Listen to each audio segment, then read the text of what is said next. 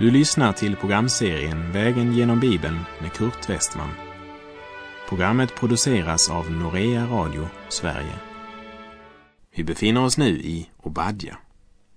Slå gärna upp din bibel och följ med. Välkommen till fortsatt vandring, vägen genom Bibeln. Vi har nu hunnit till Obadja bok, som är Bibelns atombomb. En mycket kort och lite uppmärksammad bok. En mycket liten bok vars sprängkraft är oerhört stor. Vi vet inte mycket om denne Obadja, men det är mycket möjligt att han är den Obadja som var kung Ahabs överhovmästare och som dessutom också var hemlig motståndare till drottning Isabels religionspolitik. En mycket gudfruktig man som när Isabel var i färd med att utrota Herrens profeter hade tagit 100 av Herrens profeter och gömt dem i en grotta och gett dem mat och dryck. En troshandling som satte hans eget liv i fara. Historieskrivarna Josefus och Hieronymus de hävdar att det är just denne Obadja som har skrivit Obadja bok. Obadja betyder Herrens tjänare och han levde verkligen upp till sitt namn för han var en Herrens tjänare. En tjänare skryter inte över sitt släktregister. Inte heller framhäver han sina bedrifter, sina bragder eller sin stora erfarenhet och kunskap. Han framhäver inte sig själv. Om bokens författare är den Obadja som omtalas i Första Kungabok 18 så har vi därmed en viss tidsplacering. Men här vill jag nämna att det bland bibelforskare råder delade meningar om vid vilken tid Obadja var verksam. Men utan att med absolut säkerhet säga att det är så, så tror jag personligen att författaren är den samme Obadja som vi läste om när vi vandrade genom Första Kungaboks artonde kapitel. Det är det lilla kungariket Edom som står i fokus i denna profetia. Och bokens nyckelvers är vers 6. Hur genomsökt skall inte Esau bli, hans dolda skatter ska letas fram. Verserna 1 till och med 16 talar om Edoms fall. Verserna 17 till och med 21 om Israels upprättelse. Vi ska börja vår vandring genom Gamla testamentets kortaste bok som innehåller endast 21 verser och är en bok som närmast är bortglömd av många bibelläsare. Det finns faktiskt många som inte skulle märka om man tog ut denna bok ur Bibeln. Men trots bokens blygsamma storlek är inte dess budskap desto mindre relevant och viktigt. Likt de andra små profeter så är budskapet i Obadja bok grundläggande, relevant, mycket gripande och verkligen praktiskt. Ett budskap som har något att säga till oss som lever idag. Profeten Obadja, han är som en liten vulkan som sprutar av den hetaste lava, där den oundvikliga domen uttalas över Edom.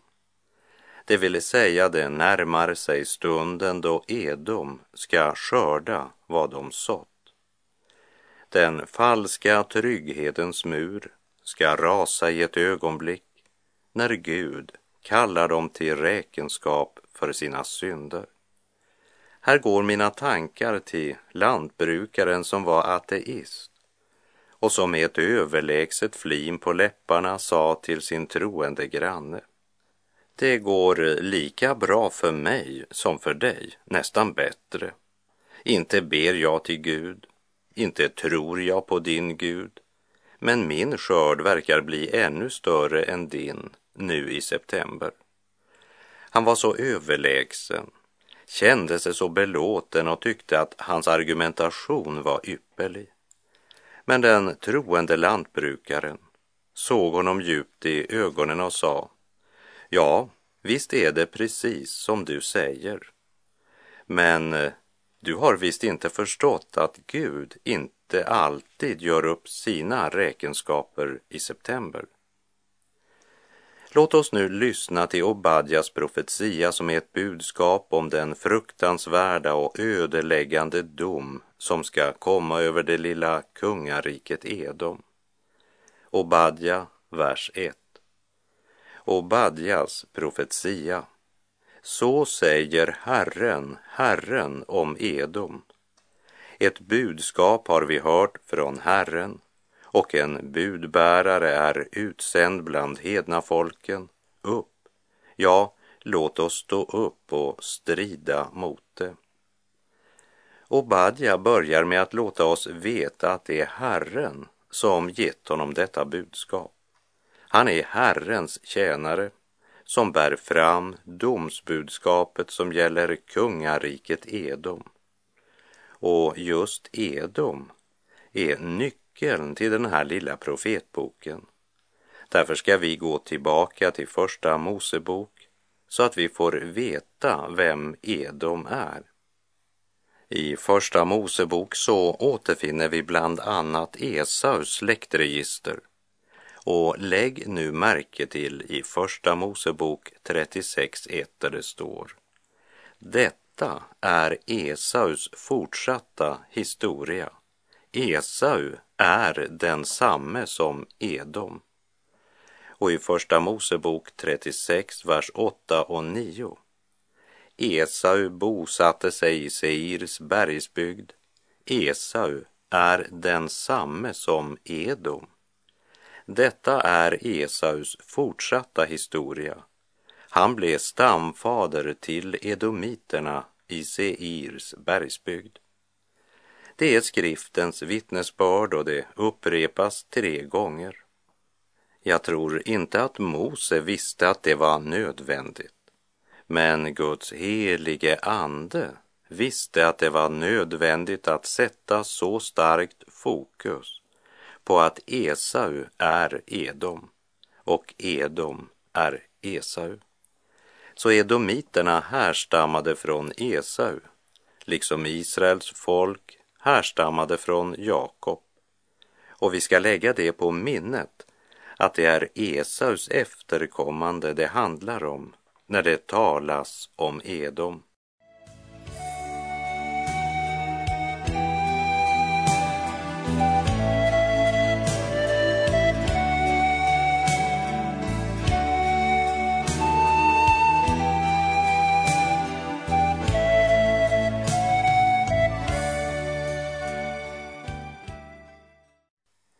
Esaus historia handlar om tvillingbröderna. De var inte enäggstvillingar utan snarare varandras motsatser. Och vi läser i Första Mosebok 25, verserna 21 till och med 23. Isak bad till Herren för sin hustru Rebecka eftersom hon inte kunde få barn. Och Herren bönhörde honom så att hans hustru Rebecka blev havande. Men barnen bråkade mycket med varandra i hennes moders liv. Då sa hon, om det blir så här, varför drabbar det mig? Och hon gick för att fråga Herren. Herren svarade henne, två folk finns i ditt moderliv. Två folkstammar skall ur ditt sköte gå skilda vägar. Det ena folket ska bli starkare än det andra och den äldre skall tjäna den yngre. De här två bröderna, de stod i strid med varann från första början. Ja, till och med före de föddes stred de i Rebeckas moderliv. Även om de var tvillingar var de varandras motsatser. Esau han var friluftsmänniskan som älskade att jaga. Jakob han gick hellre hemma och lärde sig laga god mat. Han närmast hängde i mors kjol, helt tills han blev tvungen att fly hemifrån. Men trots sin veka natur hade Jakob en andlig beslutsam vilja som Esau inte hade. Esaus olycka, det var att han var så stark i sig själv. Och i sin kötslighet så brydde han sig inte så mycket om den andliga dimensionen. Han ringaktade sin förstfödslorätt så totalt att han bytte bort den för en tallrik med soppa när han var hungrig. Vi läser Första Mosebok 25, verserna 30 till och med 34. Esau sade till Jakob, låt mig få äta av det röda, det röda du har där, för jag är helt utmattad. Därav fick han namnet Edom. Men Jakob sade, sälj då din förstfödslorätt till mig. Esau svarade, jag är ju nära att dö. Vad har jag då för nytta av min förstfödslorätt? Jakob svarade, så ge mig nu din ed på det. Han gav honom sin ed och sålde sin förstfödslorätt till Jakob. Men Jakob gav honom bröd och linssoppa. Esau åt och drack, steg sedan upp och gick sin väg. Så lite värdesatte Esau sin förstfödslorätt. Han sålde inte förstfödslorätten därför att han var så hungrig att han höll på att dö. Eller därför att det inte fanns något annat att äta i Isaks hem. Men därför att förstfödslorätten betydde så lite för honom att han var beredd att sälja sitt andliga arv för det infall han fick i ögonblicket. Den som hade förstfödslorätten var också familjens präst. Den som hade ett förbund med Gud och som stod i ett särskilt förhållande till Gud i kraft av löftet. Så Esaus handling var egentligen detsamma som att säga jag njuter hellre en tallrik god soppa än äger gemenskap med Gud. För oss som lever idag ligger det i detta en viktig andlig illustration som är en bild på en kristen människas liv. För den kristne bär på två naturer, två naturer som strider mot varann.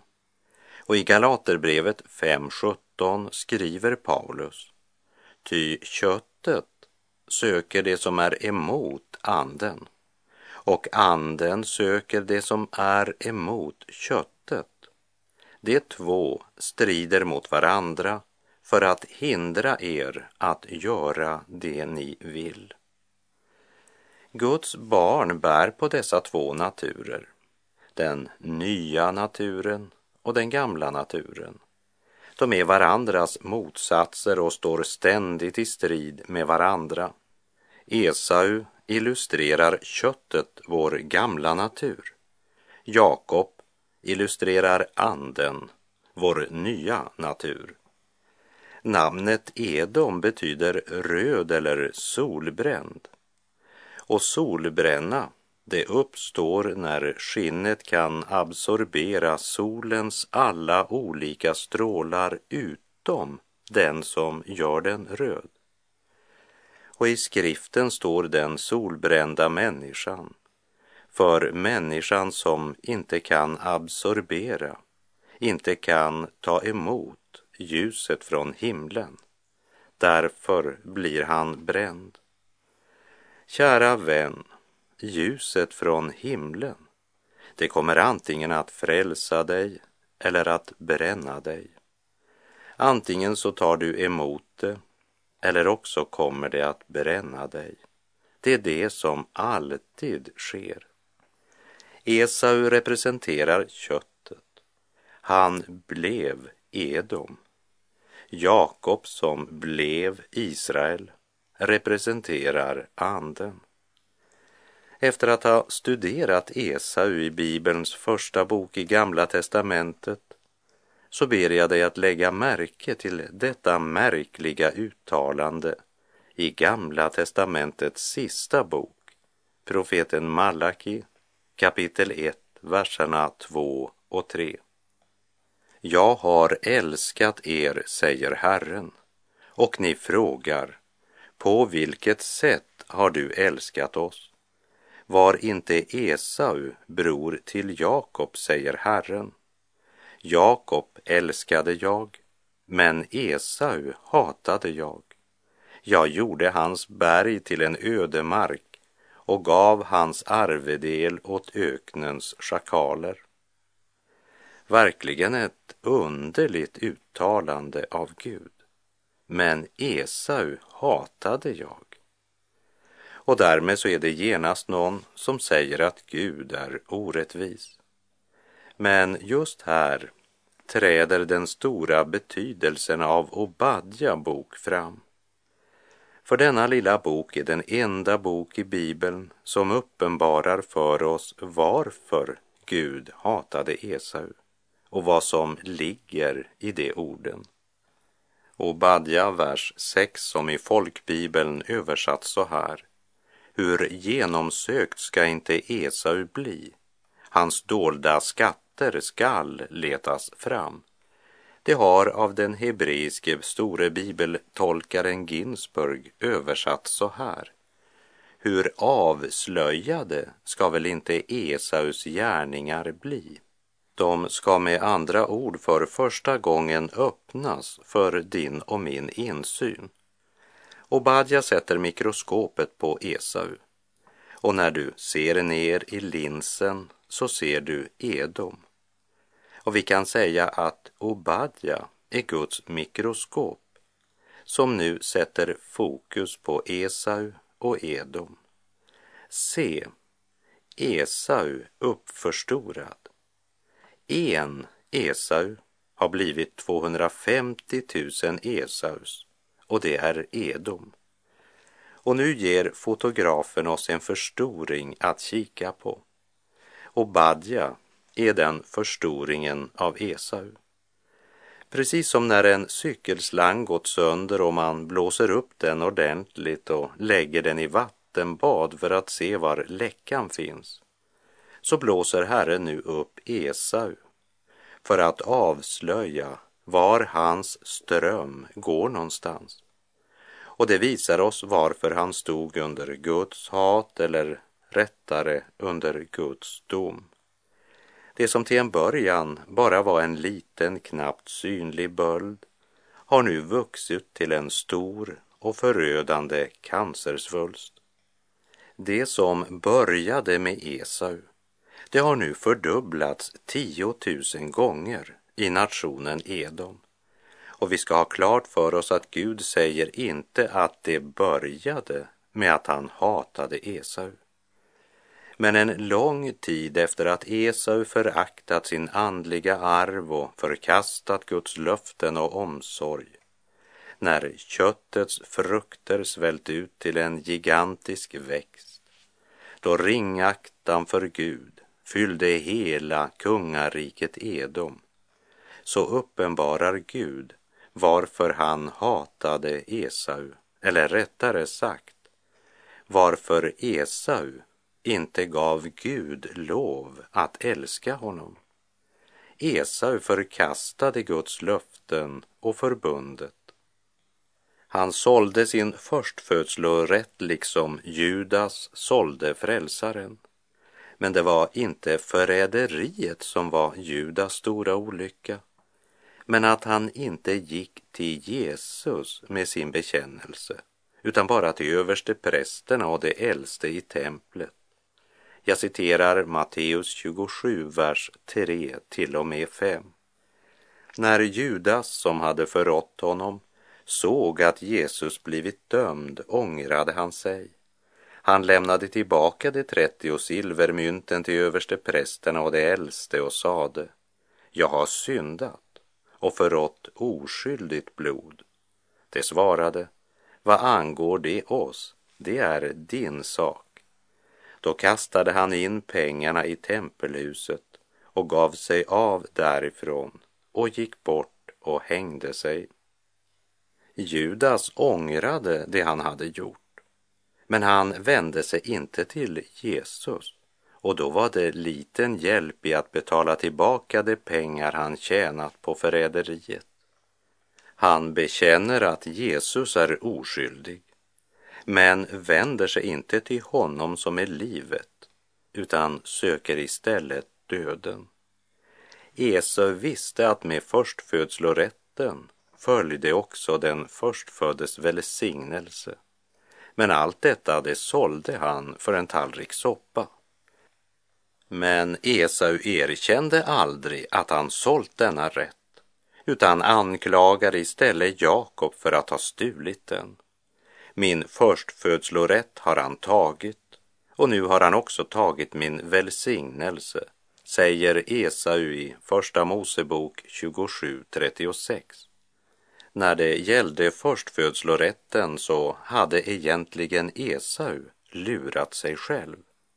Det var ögonblicket och inte framtiden som betydde något för Esau. Och för att kunna stilla sin hunger efter det han i ögonblicket hade lust på säljer han rätten till en dubbel arvslott för bröd och soppa. Men nu hade ögonblicket passerat för länge sedan.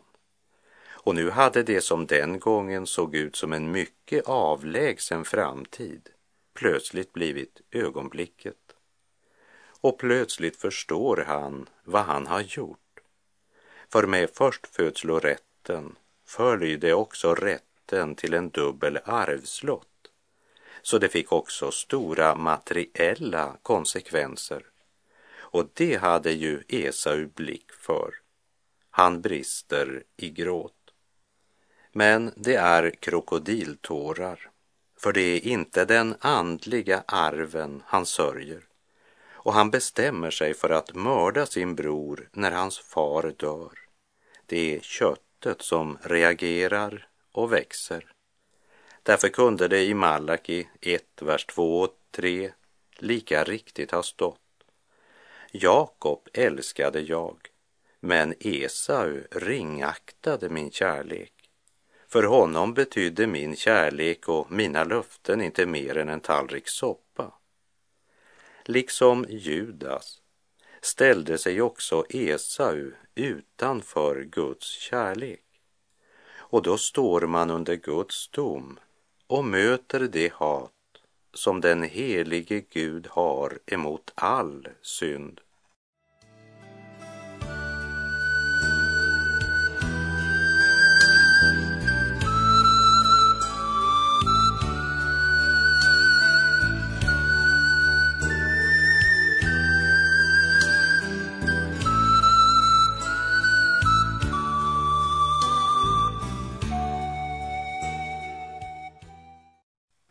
Bibeln berättade om en bonde som fick så rik skörd, men hans hjärtas övermod bedrog honom så han tänkte, nu är jag väl försörjd för många år framåt, kan vila ut, äta, dricka och roa mig. Men Gud sa till honom, din dåre, i natt ska ditt liv tas ifrån dig och allt vad du har lagt på hög, vem ska få det? Du kan läsa om det i Lukas kapitel 12. Judas, han bedrogs av sitt hjärtas girighet. Esau och Edom bedrogs av sitt hjärtas övermod. Och Edom konfronteras nu med den sanningen när Herren i Obadja, vers 2 och 3 förkunnar jag gör dig till det ringaste av folken, du ska bli djupt föraktad ditt övermod förledde dig, du som bor bland bergsklyftorna och håller till högt där uppe. Du som tänker, vem kan störta mig ned till jorden? Det stora folk, för det var ett stort folk som vi ska se här i Obadja bok, de ska nu störtas ner. När Obadja uttalade dessa ord var det en profetia som pekade på framtiden. Men från den plats och tid där du och jag läser detta så kan vi konstatera att det är en uppfylld profetia. Vilken synd var det som förde Guds dom över Edom? Det var deras övermod, det vill säga stolthet. Nu säger du kanske, var det allt? Stolthet och övermod är ju visserligen synd, men så fruktansvärt kan det väl ändå inte vara. Låt mig illustrera för dig hur vi idag totalt har förlorat proportionerna för synd. Tänk dig en ledare i en församling som ertappats av polisen när han i en butik försökte bryta sig in i butikens kassaskåp. Då är jag säker på att du ville säga att han borde inte ha förtroendeuppdrag i församlingen utan borde uteslutas och att han förtjänar att få sitt straff. Och jag håller med dig om det. Men tänk dig så att jag berättar om en församlingsledare som är så stolt. Ja, en av de stoltaste och högmodigaste personer jag någonsin mött. Och jag vågar påstå att du skulle inte föreslå att han blev utesluten ur församlingsgemenskapen. Många skulle nog hellre säga att pastorn borde ha ett samtal med mannen och tala om att det inte är rätt att vara så stolt, även om det inte är så väldigt stor synd. I alla fall är det inte något som märks så väldigt, som till exempel en alkoholist som raglar runt på stan drucken, eller en man som skäl eller som ljuger.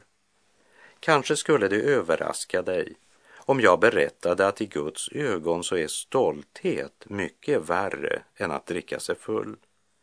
Bibeln har visserligen mycket att säga om synden dryckenskap. Gud fördömer dryckenskap. För det var dryckenskapen som förde nationen Israel till fall, liksom Babylon och Alexander den stores imperium och även det romerska riket. Det har brutit ner många stora nationer, liksom det idag håller på att bryta ner vår nation. Men låt mig ändå säga att i Guds ögon är stolthet värre än dryckenskap. Och det går rakt in i vår vardag när Gud här i Obadja bok tecknar stolthetens framtidsperspektiv som vi ska se närmare på i nästa program. För vår tid är strax ute för den här gången. Men låt oss komma ihåg, stolthet eller högmod är syndernas synd. Det finns knappt något värre. Och det är en synd som skriften framför något annat fäller domen över. Gud har sagt att han hatar stolthet och Edom var fyllt av stolthet. Därför säger Gud, jag hatade Esau på grund av hans stolthet. Låt oss meditera över det tills vi hörs igen. Herren vare med dig. Må hans välsignelse vila över dig. Gud är god.